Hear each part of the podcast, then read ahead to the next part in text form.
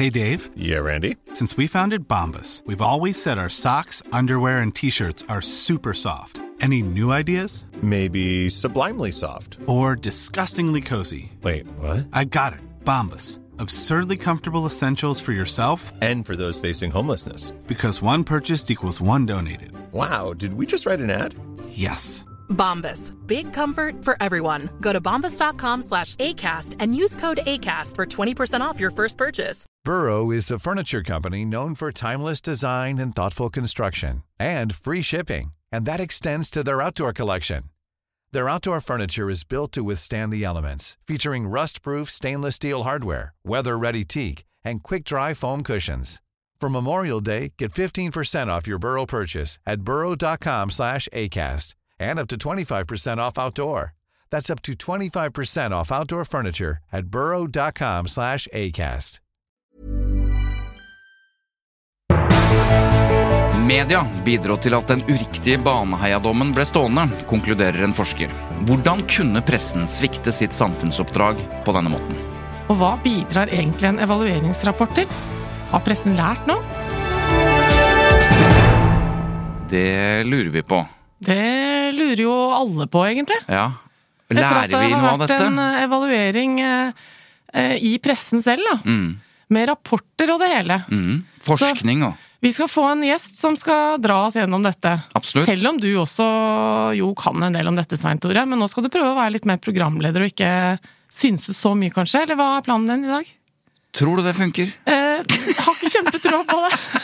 Vi skal prøve. Ja. Eh, Fordi eh, strengt tatt så vet eh, eh, forskeren mer om dette enn meg, men jeg har jo eh, fulgt selvfølgelig Baneheia-saken de siste fem årene og laget podkast om det, og Det jeg var det. spent på evalueringen, det må jeg si. Og jeg må si, eh, sikkert i tråd med ganske mange, da, at nå kjenner jeg at jeg er litt lei av den saken, hvis du skjønner. Det er lov. Så jeg vil bare legge det sånn i bunn. På bordet med en gang. ja. Også fordi at eh, jeg tror det er litt representativt, da. Ja. Det. og det er jo litt sånn det er. At eh, ok, nå er vi altså, har, Mm. har vi fått nok. Og sånn var det jo kanskje litt med pandemidekningen også etter hvert. Jeg har hørt det fra en som jobber med journaliststudenter, at eh, unge journaliststudenter orker ikke eh, å jobbe med eksempler fra koronadekningen, for eksempel. Fordi de bare eh, orker ikke å forholde seg til koronasakene, og det er jo litt interessant. Erna Solberg-saken fortsetter jo. Den er folk lei, ikke sant? og nå Altså- må vi jo liksom ta oss sammen litt for å reflektere over ny krig. mm. Fordi vi orker jo egentlig ikke det heller, men vi Nei, må og selvfølgelig. og, og det er vel, da tenker jeg mer Vi orker ikke på et annet nivå. Den er det umulig å bli lei på. Man kan liksom ikke Nei, nå er jeg lei den. Men, Nei, men, men man det- kan være lei av alt som er eh, bare så tragisk for tiden. Altså, jeg snakket med eh, en i går eh, som sier at det går så innpå meg. Altså, Mm. jeg, blir så, jeg, blir, jeg, blir, jeg er i ferd med å bli deprimert som følge av, av Mm. den krigen. Eh, og det er også sånn veldig hvi- Hvis du blir deprimert av de nyhetene, så er eh, vårt eh, råd, eller mitt råd, at du må koble ut. Altså, du kan ikke stå opp og legge deg til de nyhetene hvis du blir i dårlig humør av det. Altså, du må rett og slett gjøre sånn som du gjør av og til. Jeg, jeg, hyller, Ja, det går jeg hyller det. går, ja, du har jo begynt å hylle Ja. mine metoder nå i det siste. Jeg setter veldig pris på det. Ja. Det går an å sette på f.eks. NRK Morgenjazz Det er eh, istedenfor P2. alternativ. Hvis man eh, er litt sliten Enig. av eh, ting. Men eh, apropos krigen, da. Det er jo dette her med at Sannheten er det første offeret i krig. Ja. Og nå har vi jo vært eh, vitne til det fordi eh, alle kasta seg rundt og var veldig oppgitt over at eh, Israel da angivelig hadde bombet et sykehus Ja. på Gazastripen. Eh, og så var det ikke så sikkert allikevel. Og da blir man jo litt frustrert over det at liksom, skal vi i tillegg måtte drive og være med i en sånn sannhetskrig? Ja, og en, Faktakrig. Det er jo en voldsom eh, propagandakrig mellom de partene. Eh, og så kan man diskutere er maktforhold så skeivt når det gjelder propaganda som det er i våpen, f.eks. Israel har en, en militær overlegenhet som er helt uh, vanvittig. Har de også en propagandaoverlegenhet, eh, eller er Hamas like gode der? Det som skjedde, var i hvert fall at i, det er, de har nok et mye større apparat, men spørsmålet er Det var eh, for om de flere hjelper å- allierte. Ja, og de har større kraft og flere som jobber med dette osv. Hamas har vel nok med å krige, på en måte. Men, men poenget er at mm, både norske øh, medier og store medier eh, rapporterte om at Israel hadde bombet et sykehus i Gaza. Og det kan hende at det er det de har gjort. Men det kan også hende at dette har en annen forklaring. Det vet vi ikke. Det jeg legger merke til, er at journalister, enkelte journalister på sosiale medier maner til forsiktighet. Jeg ser også redaktøren for faktisk.no, som jo prøver å finne ut av dette, maner til forsiktighet. Og det som er så spesielt, er at selv om du gjør det, som skulle, man skulle tro at det var en uproblematisk ting å mane til, forsiktighet, når man ikke helt vet, blir voldsomt angrepet. Som om det å mane til forsiktighet, da sier du samtidig at det ikke er Israel. Og da er du Ikke sant? Skjønner du? Det, det er så utrolig lite som skal til. Men øhm, ja. Så det Vær forsiktig. Men eh, det jeg tenker på er eh, så deilig for Russland akkurat nå, da. Nå har vi jo helt glemt hele Ja. Altså, nå Det får ikke noe fokus lenger, det nå. Putin har hatt en toppuke, han. Ja, for han har blitt hyllet i Lurer på Kina. hva som har skjedd i den krigen nå. Det er sikkert masse forferdelige ting som vi ikke har fått med oss. Mm. Og han har vært i Kina og fått klapp på skuldra, for han er en topp mann, mener Kina. Ja, ja. Ok, men Nei, eh, litt- til litt nærere Ja. så har jeg lagt merke til et eh, Jeg vil, jeg vil eh, løfte fram et innlegg som er skrevet av en venn av podkasten. Mhm. Nemlig psykologspesialist og fagsjef i Norsk psykologiforening, Kim Edgar Karlsen. Jeg kaller alle tidligere gjester for venner av podden. Jeg regner med det. er- Mm. ja, ja, det er lov. Også, Snart er det lusekofte og ja. Du, får- du får krus neste gang du kommer. Nei, men han har skrevet et utrolig interessant innlegg. Det handler om alle offentlige unnskyldninger vi ser, enten er Anniken Huitfeldt eller Anette Trettebergstuen eller Erna Solberg eller hva Ja, det måtte være. det så jeg. Mm. Ikke sant? Og han, han, han, eh, han kaller dette beklagelsesritualets overflødighet. Eller han Ja. skriver om det. Han lurer rett og slett på er det noe vits i at de står der og sier unnskyld, når ikke engang unnskyldningene er altså, hvor, Troverdig, ja, hvor eller? ekte er det? Ja. De presses jo fram av media, ikke sant? Men hva er det du egentlig beklager. Og, så og så skriver han, jeg må bare sitere fra det innlegget hvis jeg kan. Eh, Hans forslag er å spørre om vi i det hele tatt trenger de politiske unnskyldningene. Når ritualet likevel fremstår som et spill for galleriet, bør vi ikke heller nøye oss med å etterspørre klare fakta, redegjørelser og konkrete konsekvenser eller planer for endring. Slik bevarer vi den ekte unnskyldningens magi til situasjoner der mottaker og avsender har en genuin vilje til selvransakelse, forståelse og endring. Han mener rett og slett at hvis du skal stå i full offentlighet og, og, og si unnskyld, så må det være ekte. Hvis ikke så forsvinner på en måte unnskyldningens kraft. Hvis det bare er sånn Ja, men det er jo ikke noe Ja, er det noe nytt? Nei, men det er i hvert fall noe Altså, hvis vi mener det som han mener, Ja. så kan de bare slutte å stå der og si Ja. unnskyld. Hoppe over det ritualet. Bare si 'dette er det som er gjort', 'sånn er det som er gjort', og så kommer journalisten og sier 'ja, vil du si unnskyld', Jeg 'vil du beklage'? Nei, egentlig ikke, men uh, dette er i hvert fall det som er sagt. Det hadde vært en mer real måte å gjøre det på, fordi hvis du sier at 'ja, jeg skjønner at noen har gjort sånn, og jeg vil beklage for akkurat det', men altså, det blir en sånn Ja, det har i hvert fall gått inflasjon i politikeres unnskyldninger. Legg merke til når du ser en ekte unnskyldning, hvor, hvor godt den funker. Ja, Hva er den siste du husker? Jeg husker ikke noen gode unnskyld, men bare tenk på det. Ja, Hvis Det jeg- må vi klare. Hvis, nei, nå tenkte jeg mer personlig. Hvis jeg har gjort noe som du syns er dumt, og jeg kan si sånn Eva, unnskyld. Virkelig. Ja, Det er ekte. ja. Den var ikke ekte nå, da, for nå fant jeg det på, men ja, ja. Mm. du merker Men det. eh, altså, jeg, jeg følte nok at Anette Trettebergstuen sin unnskyldning var ekte da den kom. Uh, men så er jeg litt usikker på om det var masse greier der som vi ikke visste da, hvis du Po skjønner. poenget er at Anette Trettebergstuen var veldig lei seg, og, hun, og jeg tror hun er oppriktig lei seg også. Ja. Samtidig så har hun jo skrevet nå i brev til kontroll- og konstitusjonskomiteen at jeg gjorde det som var vanlig i Ja, Kulturdepartementet. Ja, så, så så, så- så da er det igjen sånn hva er det du unnskylder, hva er det du beklager, osv. Ja. Men nå skal det handle om eh, hovedsaken, eh, Eva. Vi var jo på Pressens hus. Eh, De hadde et eh, stappfullt arrangement Mm. eh, hvor det var masse pressefolk og en del andre mennesker òg. Og jeg la merke til at publikummet var yngre enn det pleier å være på Pressens hus. Ja. Da pressen skulle legge frem sin felles evalueringsrapport. Ja. Eh, Hvor de har gått i seg selv da, eh, når det gjelder eh, sin rolle i. Baneheia-dekningen. Ja, det er altså eh, skal vi si pressens nå selvpisking og kanossagang etter det som jo ble justismordet på Viggo Kristiansen. Ja, er det selvpisking? Eh, ja, det ser litt sånn ut. Altså, man, er jo, man tar jo ordentlig selvkritikk inni der. Ja. Eh, men det er altså Fritt Ord og Norsk Presseforbund som, som har stått bak rapporten eh, Baneheia-saken. En kritisk gjennomgang av mediedekningen. Fritt ord, altså. Fritt Hva skulle vi gjort uten den? jeg er helt enig. Fritt ord er virkelig bra. Altså. Fortell hva Fritt Ord er, Fritt. Ord er en stiftelse med smekk full av penger, som gir ut masse penger til støtte til bøker, til eh, prosjekter. Ytringsfrihetsprosjekter. Ja, det, er jo, det, er jo ganske enkelt. De støtter det frie ord. Ja. Eh, Så de eh, støtter folk med penger som har eh, viktige prosjekter. Både kontroversielle og ikke så kontroversielle prosjekter. De kaster ikke om seg med disse pengene, du må søke. Du må søke, dette vet vi. Vi har Ja. Fått støtte til, eh, av Fritt Ord. Derfor Yes. skryter vi på det. Derfor Men- er dette reklame for Fritt Ord.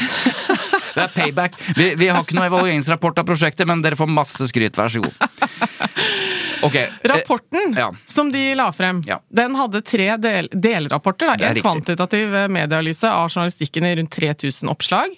Og det er uh, våre gode venner i Retriever som har stått bak Ikke den. sant? Mm. Og så var det en del med en undersøkelse blant aktuelle medier om dekningen, kildebruken og de redaksjonelle vurderingene osv. Og, så og mm, her er også deler av medienes egen evaluering eh, med, da. Ja, for det er jo mange store redaksjoner som VG og TV 2 og Fedrelandsvennen og Aftenposten har jo kjørt egne eh, evalueringer, og, Ja. så, og da bruker de noe fra de evalueringene inn i denne delrapport 2, da. Ja, Og så en liten fotnote her. Ja, det var jo en liten sånn, eh, et lite sidespor der med VG. fordi at de eh, var litt nymoten, så tenkte jeg skal ikke bare lage rapport, vi lager en film. Vi lager en dokumentarfilm. Eh, til internt bruk, hvor Mm. vi snakker med både våre egne og eksterne. Du var jo med, blant annet. Ja da, jeg Bjørn Olav Jahr, som har jo fått så mye heder og ære for Baneheia-arbeidet sitt, var der og sånn.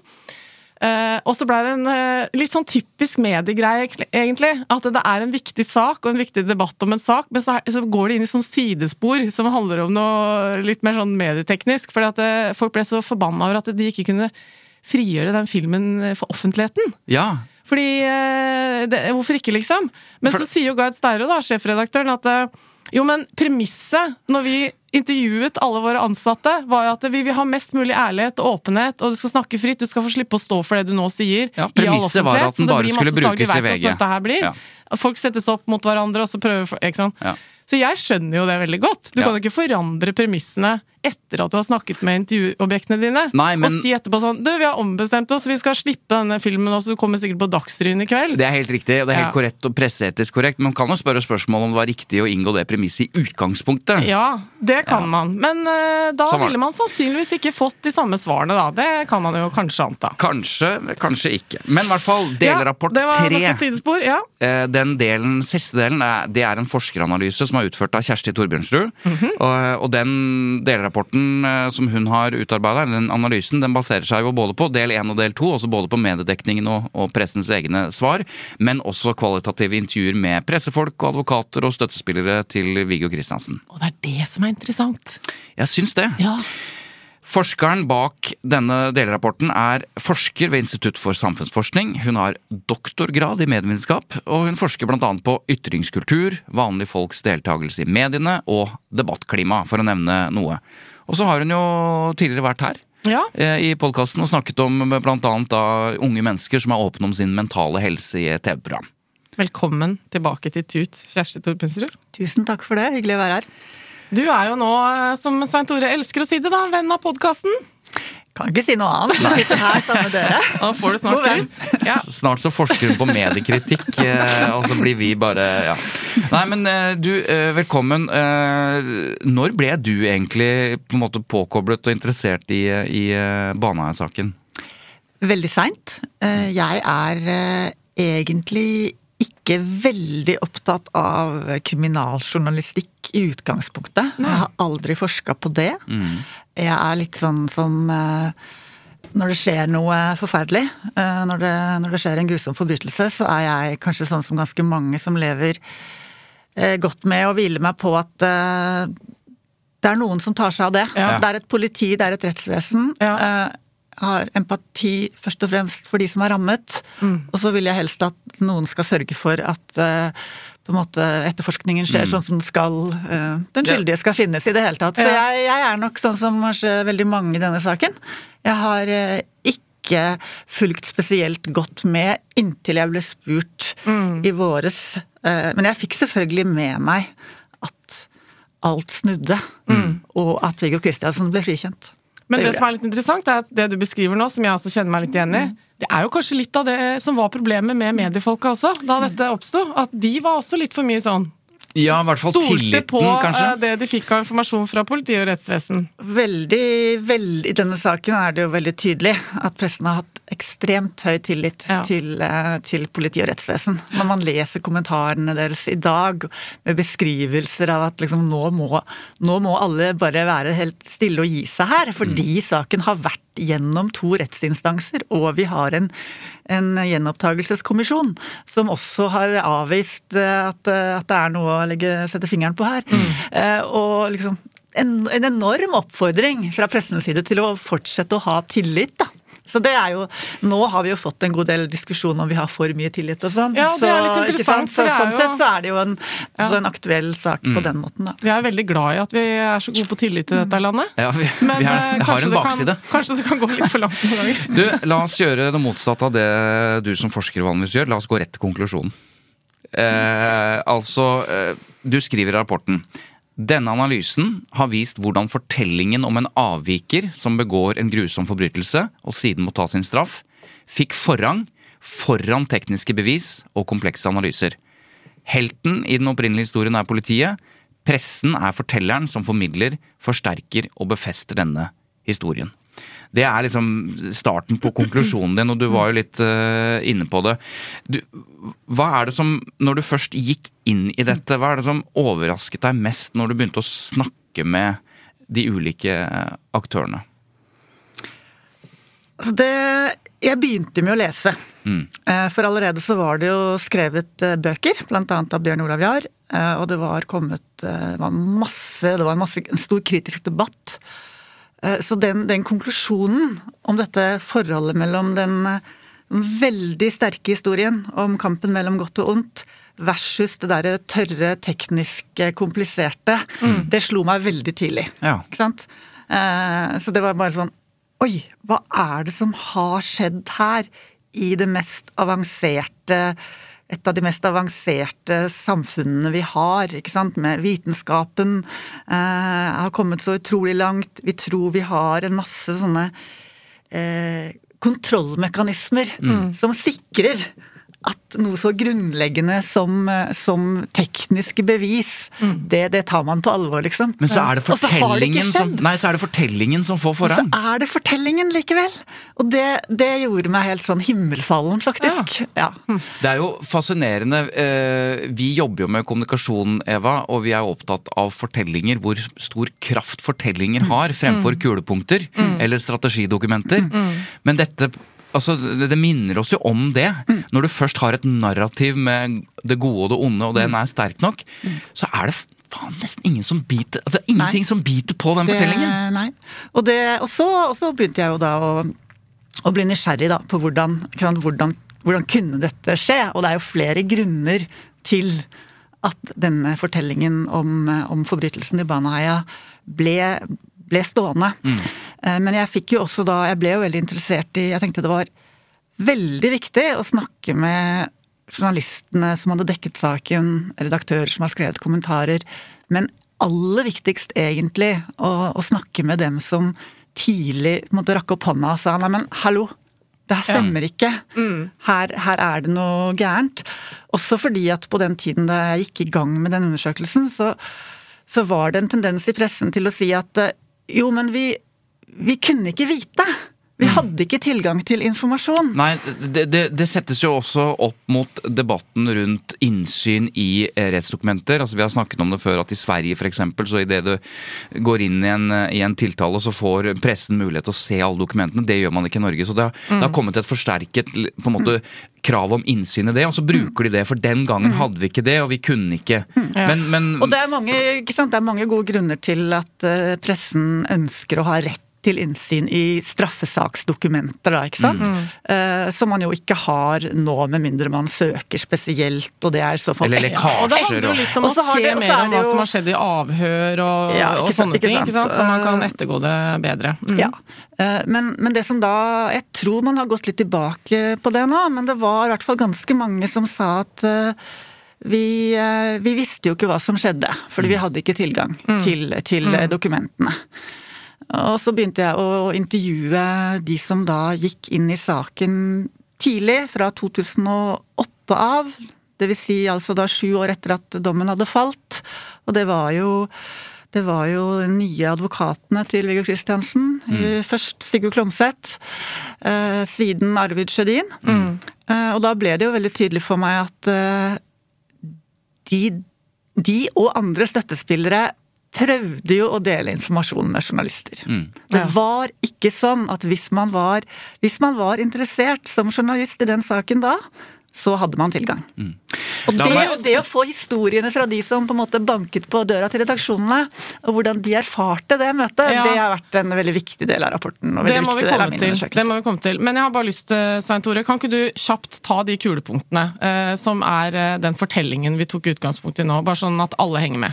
Ja, Hva var fortellingen som etablerte seg? fortellingen eh, ble veldig kraftfull i det øyeblikket politiet siktet to kamerater. Mm. For det første så får du på en måte bekreftet det eh, folk tror, at du må være to personer Mm. for å voldta og drepe to jenter. Det kan ikke være én. Det etablerte seg som en sånn grundig eh, og liksom oppfatning i befolkningen. Og da fikk de jo disse to kameratene. Og man fikk inntrykk av at det også var eh, fakta, at det måtte være pga. tekniske bevis som forelå. Ja, til tross for at eh, Kripos sin, eh, sin første konklusjon var at det var én. Eh, men, men når man fikk to, og du får eh, gatas skrekk, altså du får en person som har en modus mm. som passer ekstremt godt med eh, den type forbrytelser, såkalt moduskandidat. moduskandidat, og du får det sterkeste av av bevisene i Baneheia-saken, som er fortellingen til Jan Helge Andersen, nemlig at han forteller at det er de to som har gjort. Og det,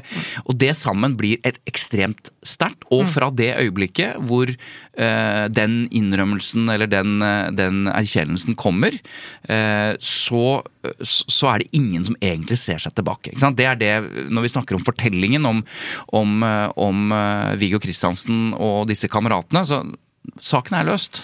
Ja, Det er et monster har- som har gjort dette. Vi har Jan Helge Andersen som eh, erkjenner forholdene i avhør, og så har vi da Viggo Kristiansen som nekter. Riktig. Bare sånn at det Ja, Og han drar kameraten sin med i, Ja. i det. Og, da, og fra det øyeblikket, så selv om det kommer da eh, bevis eh, og indisier som, som kan tyde på at, at Viggo Kristiansen ikke har gjort det, Mm. f.eks. dette mobilbeviset, Ja. som viser at Vi skal ikke gå gjennom Nei alle detaljene, men, men, mm. men, men det er det du snakker om, Kjersti, at disse tekniske bevisene som og etter hvert i 2008-2009 blir klart, nemlig at du har ikke noe DNA-bevis av verdi, samtidig som du har dette mobilbeviset som viser at den ikke har vært der. Selv de to men, men, og da lurer jeg på, eh, og jeg prøver å svare selv òg, men, men, men hvorfor, hvorfor hva forteller f.eks. fetteren, som du skriver om i rapporten, fetteren til Viggo Kristiansen, som forsøker, eh, som en vanlig person, å kontakte media og fortelle om dette? Hva er det han møter?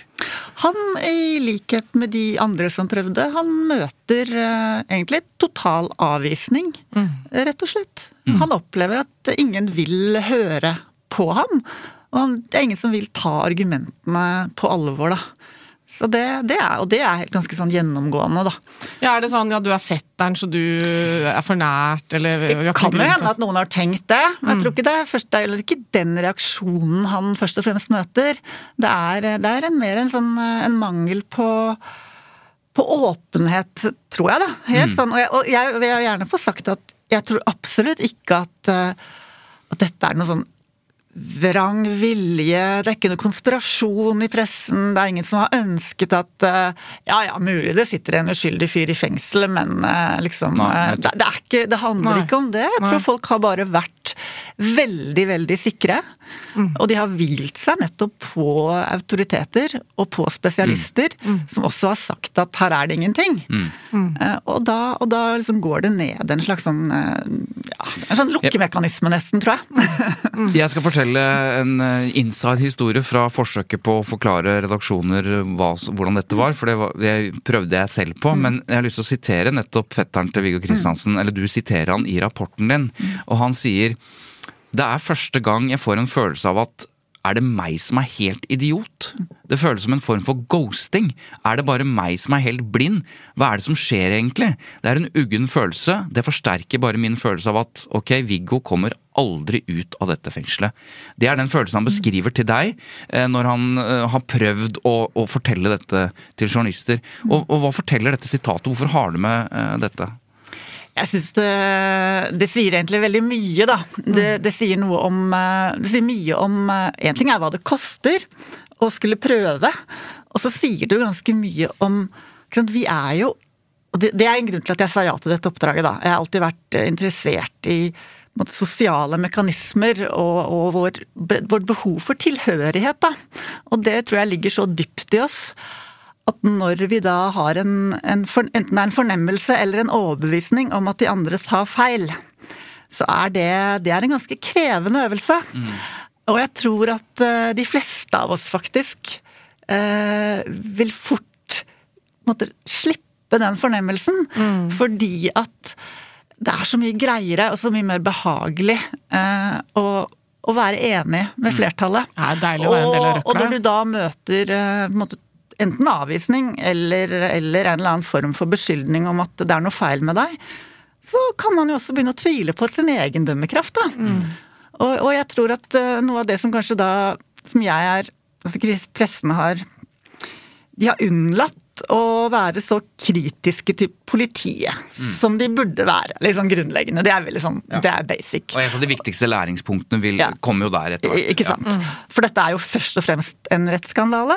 Eh, det er eh, du kommer aldri ut på samme siden etter å ha satt deg inn i denne saken. Man får ikke den samme liksom, naive tilliten til eh, politi og rettsvesen noen gang igjen, tror jeg. Fordi det har skjedd så grove feil. Mm. Så det må vi bare liksom slå fast, da. Mm. Det er jo ikke det er, det er rettssystemet som i bånn har sviktet her. Og så svikter pressen igjen. Fordi at de ikke har stilt, ikke vært ja. vaktbikkje. Ja. Men det er på en måte den ene saken. Den andre siden av det er jo hvordan da pressen bidrar til å gjøre det ubehagelig. Mm. Og stille motspørsmålene. Mm. Og da kommer vi liksom til et punkt eh, hvor er, Jeg syns det er veldig forståelig eh, at mange i pressen og ellers hadde den holdningen at nei, men de etterlatte må få fred. Mm. Og hvis dette var en riktig dom, mm. ikke sant? Hvis det, ikke var no, hvis, det ikke, hvis det var noen som bare sa hei, hei, det er feil, og så var det egentlig ikke feil, mm. så skjønner jeg også veldig godt at man argumenterer for at hallo, Mm. Nå har vi fått en dom, nå. nå. må de få fred. Mm. Ikke sant? Jeg, jeg, mener at det hensynet skal veie, skal veie, tungt, da. Det ble også diskutert på dette arrangementet, altså uh, med stor forståelse ja, absolutt, for, for ikke sant? Så, ja. det, det, kan, så, det, kan, være en, det er en viktig begrunnelse til at mange journalister ikke gikk inn. Men når det da dukker opp noen som prøver å si at nei, her er det ikke tilstrekkelig bevis, her mm. er det viktige ting som har gått gærent i etterforskningen, og når da pressen begynner å stille spørsmålstegn ved deres moral, mm. ikke sant Når det er noe feil med dem, da skjer det nok noe annet. Som ikke bare handler om hensyn. Da handler det jo om at man blir litt sånn engstelig for å være blant de. Og være engstelig for selv å ta feil. For det er veldig lett i ettertid Nå ser alt glassklart ut. Mm. Det var ikke så glassklart da. Nei. Ikke sant? Nei. Og da begynne å stille spørsmål. Og så blir på en måte assosiert sånn som advokatene, da, ikke sant? som var pengegrisk og bare skulle liksom utnytte familien. Med, ja. Psykologen til mm. Viggo Kristiansen som holdt på å miste levebrødet sitt. ikke sant? Mm. Og når man da ser det litt sånn på avstand, uten at man kanskje nødvendigvis tenker så nøye over det, så kan det fort bli et sånt klima hvor det er, det er egentlig tryggest å ikke ikke mm. tenke så mye på den saken. Ja. Og, det, og, Bjørn Olav Jahr, som jo eh, har fått masse priser for sitt arbeid, mm. møtte jo også eh, Eller hans mm. motiver ble trukket i tvil, og da, mm. og da handler det om å tjene penger på å lage underholdning eh, på en sånn sak. Det møtte jo vi da vi lagde podkasten òg. At vi utnyttet en tragisk sak for å tjene penger. Ja, ikke vi to, men Nei, Christian ja. Marstrander, som er produsent for denne podkasten, og jeg lagde den. Og vi bestemte oss av den grunn tidlig for at dette skulle vi ikke tjene noe penger på. Vi skulle ikke ha noe annonser. Ja. Vi skulle ikke noe til, Og samme diskusjon møte... var rundt den TV-dokumentaren som ble laget uh, hos Discovery. Men eh, jeg lovte en liten innside, fordi, fordi, det har blitt diskutert liksom når var det pressen reagerte. Uh, og da jeg leste boka til Bjørn Olav Jahr i 2017, så fikk jeg jo den følelsen at hva, hva er, hvorfor har ikke noen fortalt meg dette før følelsen? ikke sant? Fordi jeg ble overbevist om at her er det noe grunnleggende feil. Det jeg gjorde da, som, eh, fordi jeg ikke er journalist lenger, det var at jeg tok kontakt med mange journalister og redaksjoner. Og sa du, har dere lest boka? Se her. Det var en øredøvende stillhet. Eh, men veldig hyggelig øredøvende stillhet. Fordi det, var, det, er nok litt vanskelig å trekke på en måte mine motiver eller greier. For jeg hadde ikke noe, jeg hadde ikke noe liksom å tjene på dette. Det er lettere å si til Thomas Bergstøl, fetteren til liksom at hallo, liksom. Mm. Eller, eller, karakterer du ikke vet hvem er, som, som maser om dette. Men jeg kjente jo disse journalistene, så de liksom var høflige. Sånn ja ja, jeg hører hva du sier, mm. sånn sånn. Og så skjer det at jeg tar kontakt med ansvarlig redaktør i VG, Gareth Steiro. Han, han ser denne saken på en litt annen måte enn de andre journalistene jeg hadde snakket med. Oppriktig nysgjerrig og sier at dette må, altså hvis vi har gjort feil her, dette må vi kikke på. Møter en interesse. Så jeg skriver en eh, kronikk eh, som eh, Gahr Steiro sier at ja, den skal jeg trykke. Jeg sier dette, for dette ble oppe på dette. Dette kom opp som en, uh, som en greie. Som en hemmelig video? Som en, uh, men, men, poenget Som jeg ikke har sett, bare for å Å oh, ja, nei, det var ikke det, nei. nei ikke jeg heller. Uh, men, men, poenget er i hvert fall at så sender jeg inn den kronikken. Ja. Til, sånn som du sender inn kronikker til debattredaksjonen i VG. Og så får jeg et kort sånn takk, men nei takk. Ja. Så eh, ansvarlig redaktør eh, har sagt at den vil vi trykke. Det har for så vidt nyhetsredaktøren sagt også. Men debattredaksjonen eh, har ikke da fått det med seg, så nei. de eh, gjør en vurdering bare av teksten eh, og sier nei takk. Mm. Eh, og det har blitt av Og det var ikke noe mer begrunnelse? Nei. nei. og det har jo blitt Og jeg vet ikke hva slags diskusjon som foregikk i forkant eller etterkant av den nei. greiene. Om de var uenige, om de Men jeg bare konstaterte at den kom ikke Eller den ble ikke tatt. Så lang historie kort. Jeg sier det var rart, osv. Fordi mm. redaktøren din vil gjerne trykke den. Så den kommer på trykk. Mm. Så her er poenget. Det er noe greit, for det er en ytring. Eh, og, jeg, og det er prisverdig at de satt eh, i hvert fall midtstålet den på trykk. Men jeg har også et møte med Graveredaksjonen i VG, mm. som varer i flere timer. Mm. Hvor jeg legger fram alle bevisene, alle dokumentene. Det, jo, det, har jeg jo ikke rett til, på en måte, men jeg gjorde nå det. Mm. Og møter en nysgjerrighet eh, og en høflighet og en oppriktighet. Okay. Problemet er bare at fra det møtet så tar det ett år mm. før noe som helst skjer. Mm. Og dette har VG eh, delvis måte erkjent at de var for seine på avtrekkeren, men mm. det var symptomatisk ja. for alle redaksjoner at selv etter boka til Bjørn Olav Jahr, så skjer det ingenting annet enn at de kritiserer metodene han har brukt, mm. istedenfor å se på hva som faktisk står i den boka, og ta det på alvor. Mm. Et helt år tar det før Norges største redaksjon gjør noe med det. Ja. Og det interessante er jo at det skjer vel også da sannsynligvis først når de får en hunch om at nå skjer det noe i gjenopptakelseskommisjonen. Mm. Nå er det mye som tyder på at de kanskje begynner å tenke annerledes. Og det er jo på ett vis bra, men det er òg litt smertefullt. Mm. Fordi at det er litt sånn sånn Pressen her følger rettsvesenet. De følger etter mer enn at de er i forkant, da. Mm. Så når da gjenopptakelsesbegjæringen er får ja eh, i, eh, i 2021, var vel det, mm. Da begynner man å grave.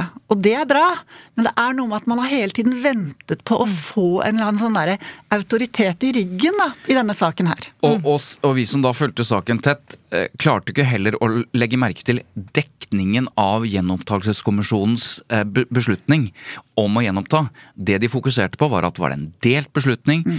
Eh, altså, de, de fòret fortsatt dette mm. Ja, men ikke sant, det er ikke så enkelt, selv om de nå har sagt ja. Så. Og det var jo nesten litt flaks òg, at det var en eh, inhabil mm. person som ja, gjorde at det kom inn en uh, erstatter rett og slett. Ja. Ja. Det tenker jeg det er ganske sånn en interessant litt sånn nerdeinteressant da, for, for en journalistikkforsker, og, og sikkert for, for sånne som dere, som diskuterer eh, journalistisk etikk.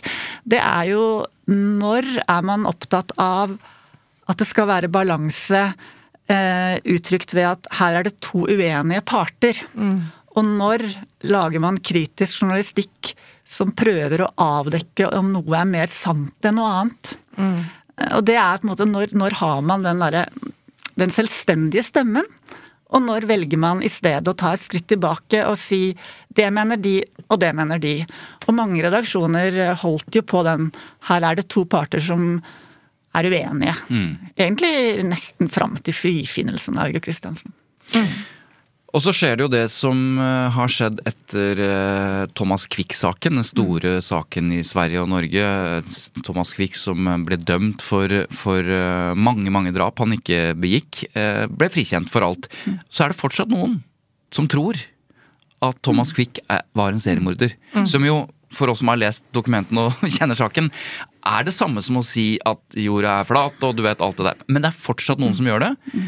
Og det lurer jeg på, liksom, selv om nå samfunnet har snudd og han er eh, frikjent og pressen tar selvkritikk, det er fortsatt liksom, et eller annet der som Nja Den usikkerheten, da. Hvordan finner du den? Jo, ja, ja da, jeg gjør det. Og det er noen som fortsatt uh, mener at, uh, at uh, Viggo Kristiansen sannsynligvis har gjort det. Mm. Det, det I er pressen? I pressen også. Det er noen som mener det. De, de vil jo da si at nei, vi, vi skjønner at vi har ikke tilstrekkelig bevis. Mm. Men For jeg nå har er ikke de skifta tause, da. Nå er vel de sånn som du akkurat beskrev, at nå er det kanskje enklest for dem å bare holde litt kjeft, rett og slett? For ikke å være på feil side og det, det, det er det nok. ja. Du, eh, du har noen eh, veldig viktige konklusjoner og, og punkter til slutt i, eh, i eh, rapporten din. Eh, du skriver eh, at holdningene til Baneheia-saken internt i redaksjonene bidrar til at de få journalistene som ønsket å se på saken på nytt, ikke fikk gehør eller møtte motstand i sine mediehus. Og det kom også fram på denne, det, på, da vi var på Institutt for journalistikk, at det var Altså, En ting var journalister som kanskje hadde lyst, og, og sånn, men, men, men denne motstanden de møter eh, da, de får beskjed om å legge det vekk, eller hvordan, hvordan opplever de det? Ja, det er, det er jo veldig få som fatter interesse for, for saken. Eh, Men de møter enten Det er jo noe med, ikke sant, du kan lage en sak. Og så, blir, så skjer det ikke noe mer. Og da skal det ganske mye til for å gå videre. Så det er den ene siden av saken, at den bare dør. Eller så får de beskjed om at eh, nei, vi skal ikke, ta, vi skal ikke se på denne saken. Og det, det skjer i, i VG, det skjer i NRK. Det, ja, så dette er eh, du skulle være veldig ivrig, eller det viser seg jo egentlig at du skulle vel ikke lenger være en del av pressen for å kunne jobbe med denne saken. ja, det er jo folk og slett, utenfor pressen som har brakt Det dette det. frem. Det er interessant det, det du sier om at uh, du møtte jo kanskje ganske mye gehør, Mm. fordi du ikke sant, du har bakgrunn i pressen, og så kommer det en som Bjørn Olav Jahr, og han hadde jo veldig høy kredibilitet, men Mm. selv han ble jo eh, på en måte plutselig fremstilt som litt useriøs og ikke spesielt god på metode og sånn. Um, Mannen Men- som har vunnet Ikke Scoop-prisen, blant annet, ikke sant? men som er en metodepris. Men det sier jo noe om at? Og dette, dette har jo du vært opptatt av også. Uh, At det er noen sånne kognitive mekanismer som hvis vi først har blitt veldig sikre, så ser vi gjerne etter noe feil. Og de feilene trenger egentlig ikke å ha med liksom selve argumentasjonen å gjøre, men det kan være noe annet. Det kan være at ikke sant, Veldig mange av journalistene snakker jo også om at f.eks. en figur som eh, Sigurd Klomsæt, som var da eh, den første advokaten som tok saken for Viggo Kristiansen, sto i veien for budskapet. Ja. Og kanskje kan du Og så er det jo Det jeg tenker også er litt sånn viktig, da, og, for hvis man skal ha læring, da, det er jo at de som går litt sånn mot strømmen, de som faktisk ikke er helt enige med absolutt alle, de kan jo gjerne ha noen litt originale sider. Nettopp. Ikke sant? Og da blir de tatt på det, Ja. Fremfor det- at man lytter til budskapet. Det ble jo faktisk demonstrert, fordi vi, vi kjenner jo til det at det var en, eh, et møte nede på Sørlandet et sted, hvor Ja. Sigurd Klomstedt eh, var litt eh, Han ble vel omtalt som litt sånn eh, Klovn og klovn og, hadde show. Liksom, Fordi han, ha, han han har den formen han har.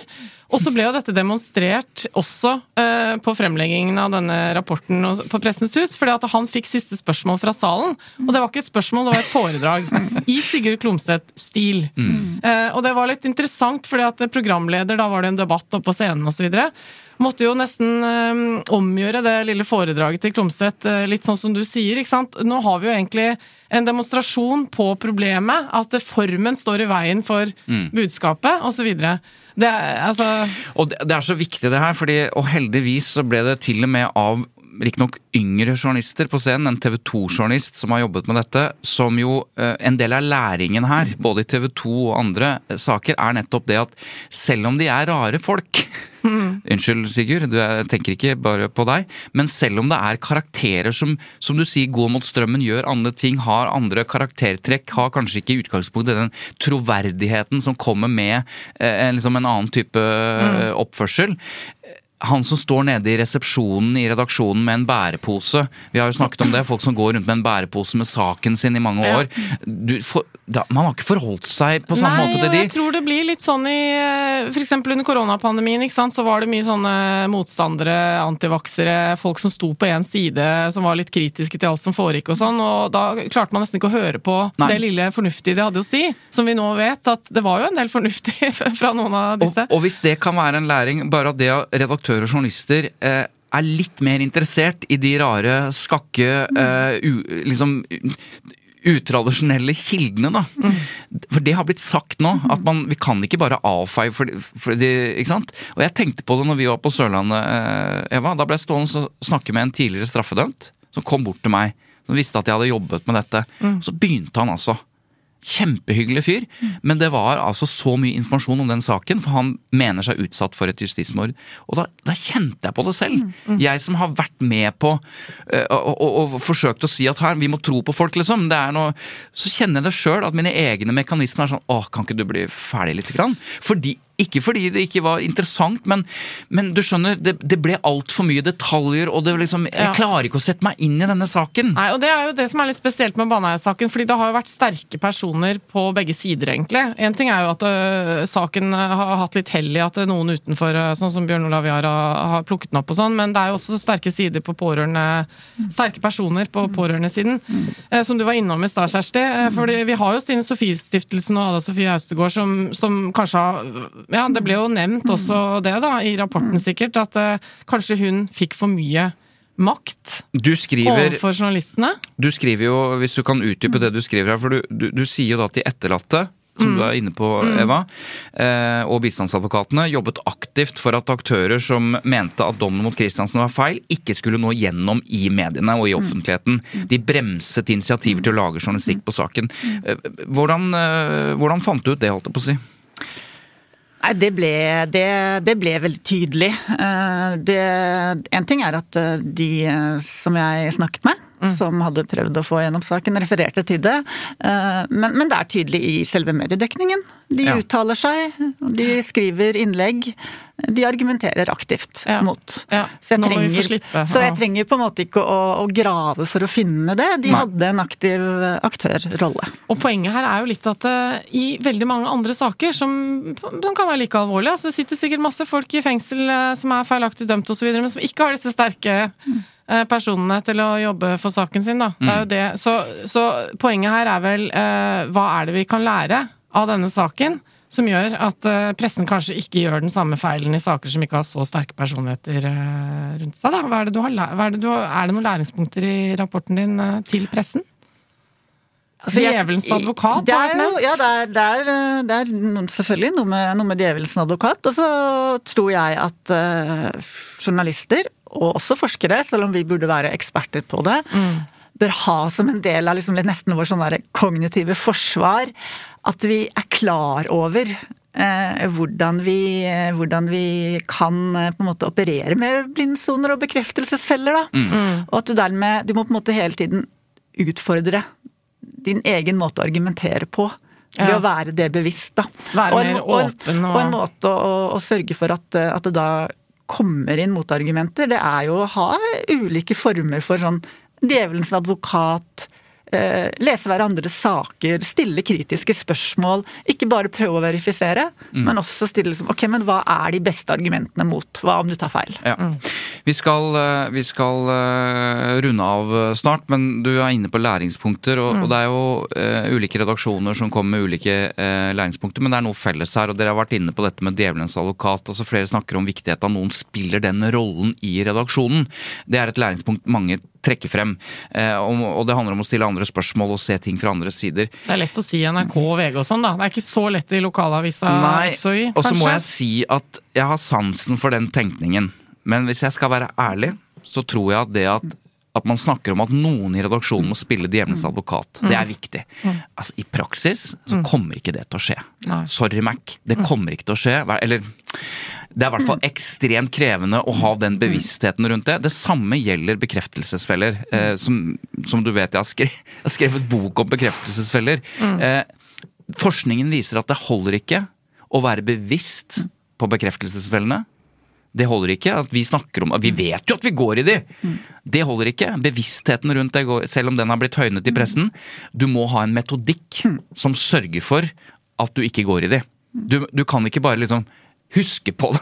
For det, for det er, u, for det er, for det er ubevisste metodikken er mekanismer. å stille åpne spørsmål og sånn. eh, Blant ja. annet, ikke sant. Eh, så det er det ene. Men, men den, det, den, det læringspunktet jeg har mest tro på, hvis jeg skal gå ut med litt tro og håp, og bitte litt kjærlighet til pressen, så handler det om det punktet som jeg tror VG har vært tydeligst på, eh, og Gahr Steiro sa tidlig. Vi må slutte å akseptere at rettskraftige dommer skal bare ikke røres. Altså, det har vært en holdning om at når, når, når dommer er rettskraftige, så skal det ekstremt mye til for å vekke nysgjerrighet eller engasjement rundt den. Og hvis du i tillegg slenger på Gjenopptakelseskommisjonen, som har bare sagt 'denne saken tar vi ikke opp igjen', det har kommet en erkjennelse der i flere redaksjoner som sier at ja, men det hjelper ikke om det er en rettskraftig dom hvis vi får bevis eller opplysninger som utfordrer den.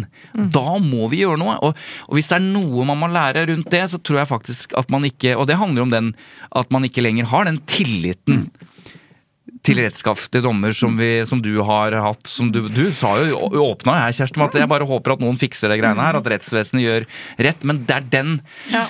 Der tror jeg på en måte noe av den viktigste læringen ligger, da. Jeg vet ikke hva du ser på som Jo, jeg, fra ditt ståsted. jeg, er veldig, jeg er veldig enig i det.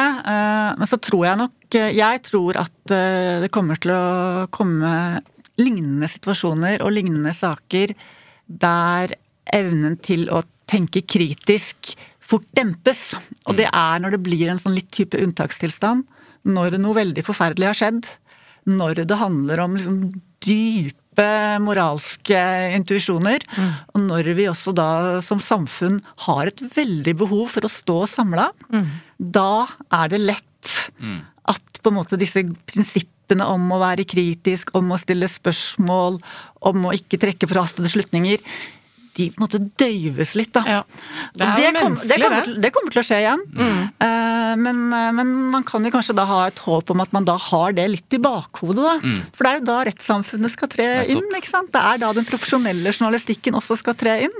At vi på en måte vedlikeholder de der mottakene mot en sånn veldig intuitiv eh, Nå må vi ta den skyldige, nå må vi, nå må vi føle oss trygge, nå må vi komme oss videre. For det, selvfølgelig, det ønsker man, men, men eh, det skal skje på, på, på en måte den rettsstatlige premisset. Ja. Det er jo interessant at du ikke har tro på prinsippet om djevelens advokat eh, i- iboende i en redaksjon. Så kan jeg slenge inn forslag om at det da må opprettes en stilling. Ja, det ble jo spøkt om det, for det var noen som spurte denne rollen som djevelens advokat. Er, ja, er, det en, er, det en... Ja, det passa ganske godt. er det en stillingsbeskrivelse? Er det en, en jobb? Ja. for da, hvis du systematiserer det, hvilket er helt uh, urealistisk, så hadde jeg hatt mer tro på det. Ja, men altså, I teorien så ser jeg for meg at det kunne funka, men så vil det jo over tid bli litt sånn som alle andre sånne systemer som bare Ja, nå skal jo jeg egentlig stille det spørsmålet, men det gidder jeg ikke nå, for vi har ikke tid, osv. Men det man må gjøre, er å ansette folk Ja. som ikke tenker som alle andre. som har uh, sånn personlighetstrekk. la la meg må alltid være litt kritisk. Ja. La meg, uh, bru, uh, la meg jeg holdt på å si, uh, utdype det ved å hylle en nylig avdød journalist. Du må ha flere journalister som Jon Hustad. Ja. Det er poenget. Ja. Jon Hustad, eh, som gikk bort eh, nå for kort tid siden, eh, som var journalist i, i Dag og Tid. Eh, han var en sånn journalist Mm. som nå har blitt hyllet voldsomt etter sin død. Det er fortjent, det er bare irriterende at det skjer først etterpå. Men jeg tror redaksjonene må tenke hvordan, hvordan finner vi Jon Hustads etterfølgere? Og Mm. hvordan får vi han eller hun inn i den redaksjonen? For de stiller de spørsmålene av seg selv.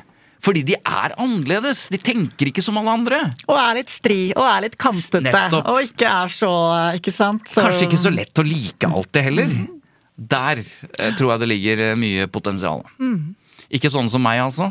Vi er Eh. visstnok dårlige på det i Norge. Å ansette Jeg var med i, sånn, eh, i et selskap jeg jobba i hvor alle tok personlighetstester. Mm. Hvor noen da blir eh, definert eh, som en sånn som er litt eh, kritisk og stiller ja, men hva menn og sånn.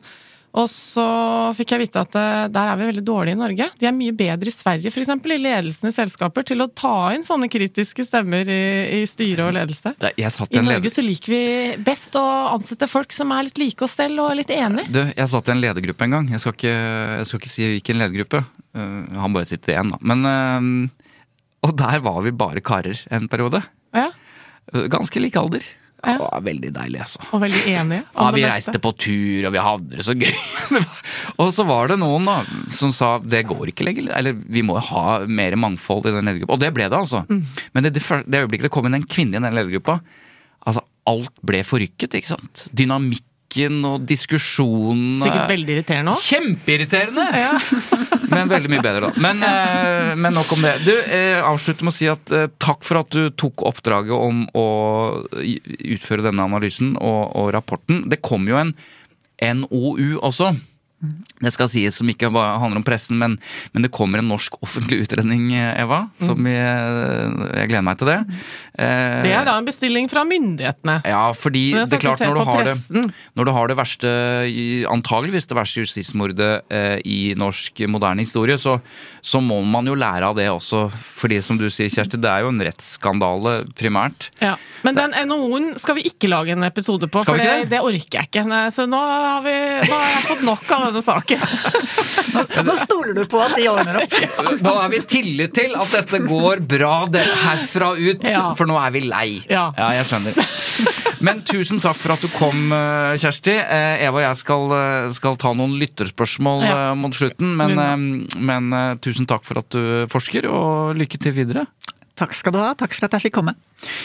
Vi må jo ta noen lytterspørsmål nå, for vi har fått en del av de. Ja. Um, det er Det er veldig mye aktive lyttere for tiden. Ja, jeg elsker det. Jeg var, du, jeg var på en boklansering i går. Ja. Så kommer det en dame bort til meg, litt sånn streng i blikket.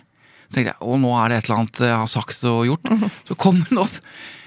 Jeg er fan av podkasten! Vil bare si det! Ha en fin kveld! Ja, det er koselig. Så det er veldig hyggelig at dere sender inn spørsmål. Um, her er det fra en, eh, en mor. Eh, nå fikk hun rollen som mor, da, for hun begynner med at jeg har tre barn på barneskolen. Eh, og, og hun sier at det er en utfordring som, som går igjen mer og mer, og det er dette stygge språket. Hun hører stygt språk rundt seg hele tiden. Det er blitt hverdagslig, også for små barn. Og så lurer hun på hva er medienes ansvar og rolle i dette? For hun har jo lagt merke til at uh, før så var det sånn, ofte sånn man pipet ut banneord. Ja, det gjorde man jo før. ja, nå er det, det er USA driver man med det. I Norge så er vi mer åpne. Og det, og det hun sier også, er jo å se at på nettaviser, både VG og Dagbladet, så har de banneord på forsiden. Jævla og altså Mm. Ja, sant, Hun mener hun ser dette bannespråket og dette faen i store bokstaver, har hun liksom Mm. lest. Så det er ikke noe rart at barna Det er i hvert fall tesen, eller hun spør liksom hva slags rolle har mediene i dette. Ja, det er interessant. Hva, hva, vi har jo begge barn som banner, holdt jeg på å si, mer eller mindre. Ja, eller mine banner ikke så mye. Fordi, Nei, de? Nei, de får ikke lov til det. Kanskje de gjør det når jeg ikke hører det, men øh, jeg banner jo kanskje litt for mine, tenker man. Eller ikke sånn ordentlig, da, men jeg tror Det er jo absolutt interessant at uh, mediene har en rolle. Samtidig så føler nok de at uh, de må ikke bli for uh, bakstreverske og, og prektige Mm. når resten av verden utvikler seg sånn som den gjør med sosiale medier. Ser jeg for meg. Ja. At de, be, de beveger med. seg litt i tråd med resten av den offentlige debatten og Ja. liksom språkbruken på sosiale medier og sånn. Så det jeg kanskje tenker er at mediene ligner jo mer og mer på sosiale medier. Eh, på alle måter. Mm. Også i språk. Ja. I måten de lager nyheter, fremstiller nyheter, det er mer video, det er mer Mm. sånn, det er mer andre folk enn journalister og kommentatorer som bringer det til oss, ikke sant. Så de tar inn mer vanlige, vanlige folk og vanlig hverdagsspråk. Da. Det er vel det som har skjedd. Jeg skjønner at det er frustrerende, og hun, hun skriver jo at hun forsøker å, å, å liksom eh, oppfordre barna til å bruke noe annet enn banneord når de vil uttrykke sterke følelser. Ikke sant? Og da kanskje mediene også burde Ja. være litt flinkere til å, å bruke, bruke å si, eh, bredden i språket, da, eller, og ikke bare falle ned på banneordene. Ja, ja, absolutt. Så her er det jo bare å oppfordre de, altså, de skal jo gå i front, skal de ikke det, da? Ja, men skal de Ja. Eh, Det er to varianter av dette. Noen mener jo at når du tyr til banning, så er det fordi nettopp du har et fattig språk. Ikke sant? At du bare Ja. tyr til det. Ja. Andre mener jo at banning, og da er vi kanskje mer over i den historiske, kulturelle arven, da, språkarven, og spesielt når du kommer til Nord-Norge, så hører du hele tiden at det er en del av språket. Mm. Det er en viktig del av språket, det å banne. Jeg, jeg, jeg så en, I forbindelse med dette spørsmålet så, så søkte jeg på en, noen, noen gamle greier, og da, for 20 år siden, så var det en spesialpedagog som sa 'la barna banne'. Jeg tenkte, Hæ? Spesialpedagog i skole som mener at barna må banne? Og da var nettopp den begrunnelsen? At de må få lov til å uttrykke seg, og, og banning er en del av språket. Ja. Men, Men ja, nei, er Kjøper fall, vi jeg er veldig enig med lytteren i at det det er vanskelig å være mor og si eh, det er ikke lov å si faen. Mm. Og så går det to sekunder, og så er de på mobilen, og det første de ser er en push-varsel fra VG hvor det er faen i tittelen, eksempel. Mm. ja. Altså, det gir jo ikke mening. eh, bare for å avslutte, vi, eh, min eh, Skal vi pipe over når jeg sa Faen. Ja, Skal, nei, nå er det tematisk viktig Ja. å ha det med. ja nå er det i kontekst. Det, jeg bare si at eh, en av, eh, Et av mine barn har jo begynt på skolen akkurat nå. Og fra barnehage til skole. Ja. Fra å være eldst i barnehagen til minst eh, på skolen og høre andre, tredje, fjerde, femte, sjetteklassinger banne. Altså, De kom hjem hele gjengen. Jeg, jeg, jeg fulgte de til, til skolen. Plutselig så, så var det faen meg sånn Unnskyld. Der har du det, altså. Ja.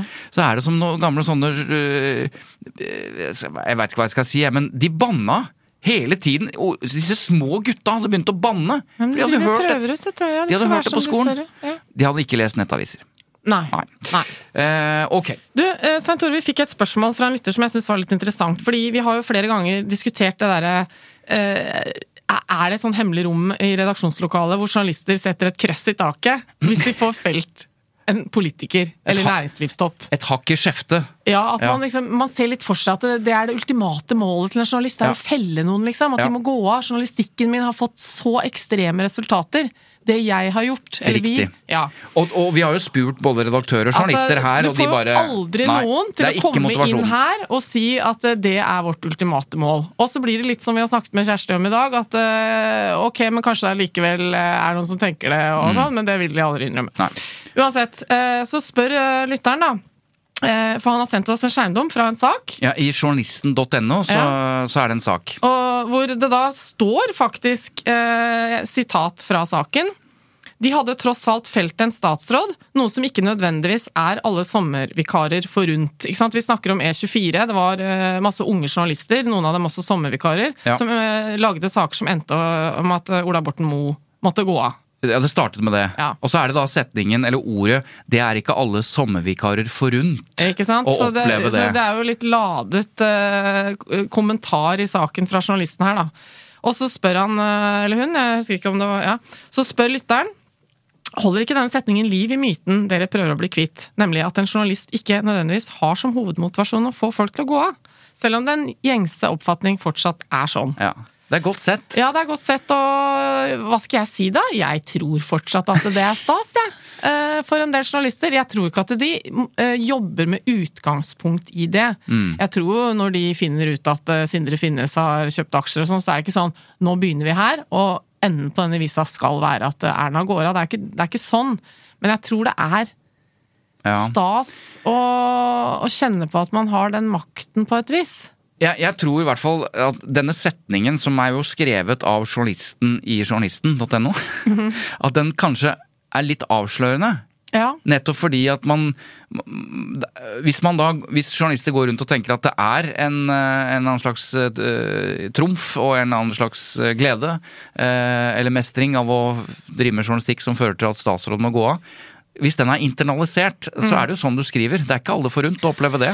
Nei, Sånn også, fordi at når E24 skal lage sin metoderapport til Scoop Mm. om eh, avsløringene rundt Sindre Finnes, hvis det skjer, da, så er jo et av kravene i en sånn metoderapport er jo hvilke konsekvenser fikk journalistikken. Ja. Og da vil det jo ramses opp ditt og datt og sånn og sånn. Det vil ikke underkommuniseres at en statsråd måtte gå, Nei, for å si det sånn. trenger du ikke å skrive, for det, hvis det skjer, så, så ligger jo det der. Og Ja. det tror jeg er Det er jo på en måte det ultimate, den ultimate konsekvensen. Ja. Jeg- du, er, du mistenker at det fins et sånt rom, da, hvor de eh, eh, feirer litt der. Eh, La meg si det sånn.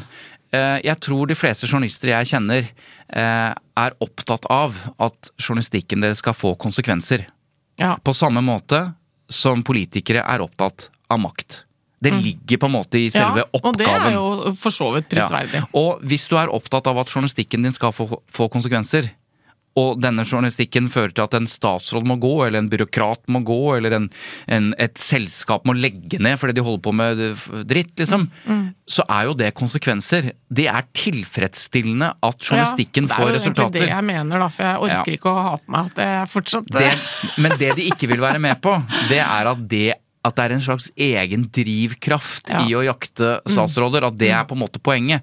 Og der tror jeg på journalistene. Ja. De er opptatt av å finne ut av hva er det som har skjedd her. Ja, kan jeg få lov å si at jeg er enig i det? enig. Jeg tror heller ikke.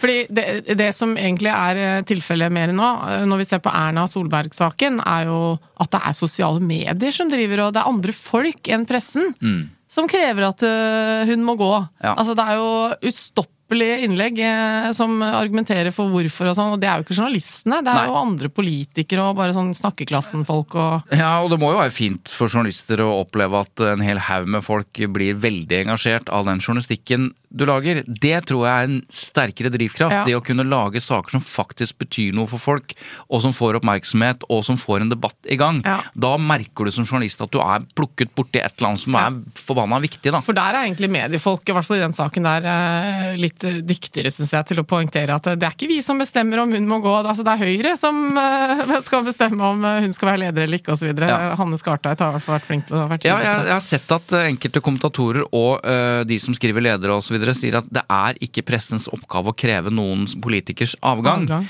Eh, men hvis jeg skal tenke tilbake på de siste 20 årene eh, jeg holdt på med dette, så eh, jeg tror ikke det er helt ukjent at aviskommentatorer mener sterkt at noen bør ta sin hatt og gå eller ta ansvar. Så det, akkurat det skillet der, at liksom pressen ikke skal mene noe om noen bør gå av, det syns jeg på en måte er litt rart. De slipper til eksterne kommentatorer vet du, som, som Ja. sier det, Ja. på spalteplass. Men da har vi i hvert fall besvart uh, Et par. et par spørsmål. Um, og da er det vel på tide å legge på røret, som det heter? Ja, Som det het i gamle dager? det hørtes dramatisk ut. Ja, for, er for det ikke det man sier når man uh, er død. Ja. Han har lagt på røret. Ja. Jo, men bare det å si det, det er på tide å legge på røret, eller vi må legge på røret. Det er jo en hel generasjon som ikke forholder seg til røret. Ja, det er sant. Det er jo når vi hadde fasttelefoner. Ja. Hva, er det, hva er det nye uttrykket som Det, jeg skal bare forklare dere. Fasttelefoner var altså en telefon, ikke en mobiltelefon, hvor det var et rør som du kunne ta av. Og telefonen hadde stikkontakt, men den var ikke vanlig strøm. Det var inntil sånn eh, Men det var sånn Televerkets eh, kabler, Ja. som var et eller annet sted. Under bakken, tror jeg. Kanskje Ja, noe av som- lufta. Altså, Og så hadde vi noe som het retningsnummer. Men tenk deg at vi måtte Det var sånn skive på de grå telefonene Ja. hvor du faktisk måtte velge sånn tallet ni, og så dra den rundt, og Ja. så var det sånn tikk, tikk, tikk, tikk, tilbake. Ja, det tok et halvt minutt å slå et nummer. Det var deilig. Hilsen Eva 72 og Svein Tore 85. Så da ønsker vi velkommen tilbake til Tut og Medikjør neste uke. hvis vi fortsatt er her. Tusen takk for oss. Ha det bra. Ha det.